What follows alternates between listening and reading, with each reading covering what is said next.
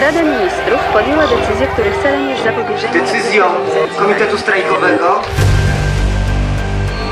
Na początku był lipiec. 20 sierpnia 1980 roku było już jasne, że władze nie są w stanie opanować sytuacji w kraju na wyłącznie własnych zasadach. Niemal w całej Polsce dochodziło do aktów uderzających w partię, która rzekomo według oficjalnej propagandy nadal była siłą przewodnią. Nad ranem mieszkańcy Lublina udający się do pracy zauważyli w centrum miasta rozstawione nocą plansze z napisami takimi jak Precz z PZPR. Wolność, niepodległość, jedność, zwycięstwo. Podobne incydenty miały miejsce w kolejnych dniach w regionie. Naprzeciwko budynku Komitetu Partii w Puławach 20 sierpnia pojawiło się hasło Jednoczymy się z Pomorzem. KOR. To tylko kolejny dowód na to, że wielka fala lipcowych strajków na Lubelszczyźnie nie wzięła się znikąd i nie była przypadkowa.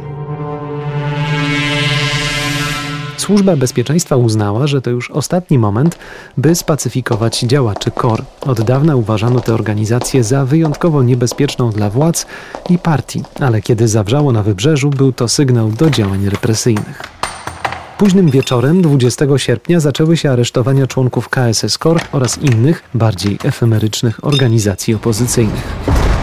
W ciągu dnia natomiast delegaci robotniczy zerwali rozmowy z wicepremierem Tadeuszem Pyką, a ekipa Gierka czuła się już tak zagrożona, że przygotowany został specjalny list rozesłany do wszystkich komórek partyjnych, w którym omówiona została aktualna sytuacja w kraju i sugestie, jak na nią reagować.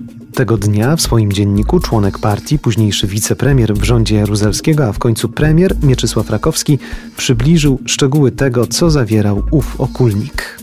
Nowością jest polemika z żądaniami strajkujących. Utworzenie wolnych związków zawodowych, zmiana ordynacji wyborczej, likwidacja cenzury oraz uwolnienie więźniów politycznych.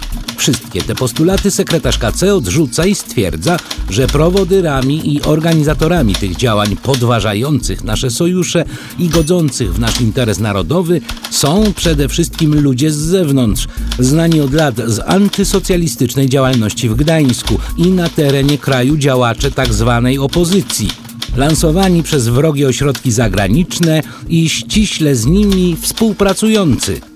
Prasa, oczywiście z inspiracji władzy, przyjęła nowy ton i starała się przedstawić strajkujących jako inspirowanych przez Zachód wichrzycieli, którym zależy na upadku gospodarki. Ich działania zostały przedstawione jako bezpośrednie niebezpieczeństwo dla bytu każdego z uczciwie pracujących Polaków. Wystarczy zerknąć do wydania Głosu Wybrzeża z 20 sierpnia 1980 roku. Ostatnie dwa dni przyniosły inne jeszcze symptomy zaostrzającego się kryzysu oraz wzmogły i tak przecież niemałą obawę o istotę tego, co dzieje się wokół nas.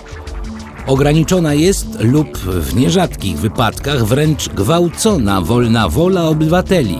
Ludzi pragnących opuścić nieczynne zakłady zatrzymuje się siłą. Pracownikom chcącym wykonywać swe normalne obowiązki na rzecz miasta dewastuje się sprzęt i narzędzia. Rozsiewane są groźby unieruchomienia niezbędnych dla życia mieszkańców urządzeń. Odmawia się udostępnienia pojazdów do przewozu najpotrzebniejszych towarów. Podejmuje się próby zastraszenia personelu placówek handlowych. Wszystko to wywołuje wiele pytań. Jest wśród nich również pytanie najważniejsze – gdzie kończą się sprawy, oczekiwania i postulaty ludzi pracy, a gdzie zaczyna się gra polityczna i prowadzona przez manipulatorów stojących za plecami robotników, techników i inżynierów unieruchomionych za bramami stoczni, portów, fabryk i baz transportu. Sam fakt obecności tych manipulatorów oraz ich aktywne działanie dla nikogo nie jest tajemnicą.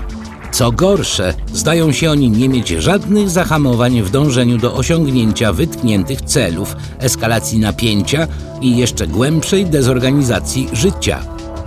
Bez wahania wykorzystują przy tym spokój i opanowanie władz oraz wręcz nadużywają okoliczności, że przez te wszystkie trudne dni władze te są zdecydowane rozwiązać istniejący konflikt środkami politycznymi, społecznymi i ekonomicznymi, że przejawiają rzadko spotykany gdzie indziej umiar i powściągliwość, nawet w tych przypadkach, kiedy uzasadniona byłaby postawa bardziej zdecydowana. Przekaz do opozycji był więc jednoznaczny. Nie z te numery, towarzysze.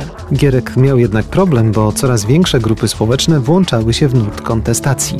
Właśnie 20 sierpnia 1980 roku kilkudziesięciu intelektualistów związanych z Towarzystwem Kursów Naukowych, Konwersatorium Doświadczenie i Przyszłość, a także Klubem Inteligencji Katolickiej sformułowało specjalny apel, w którym wezwało rząd do podjęcia rozmów ze strajkującymi, choć jednocześnie nawoływano do kompromisu. No to zacytujmy jego fragment. Robotnicy polscy z dojrzałością i determinacją walczą dziś o prawa swoje i nas wszystkich do lepszego i godniejszego życia.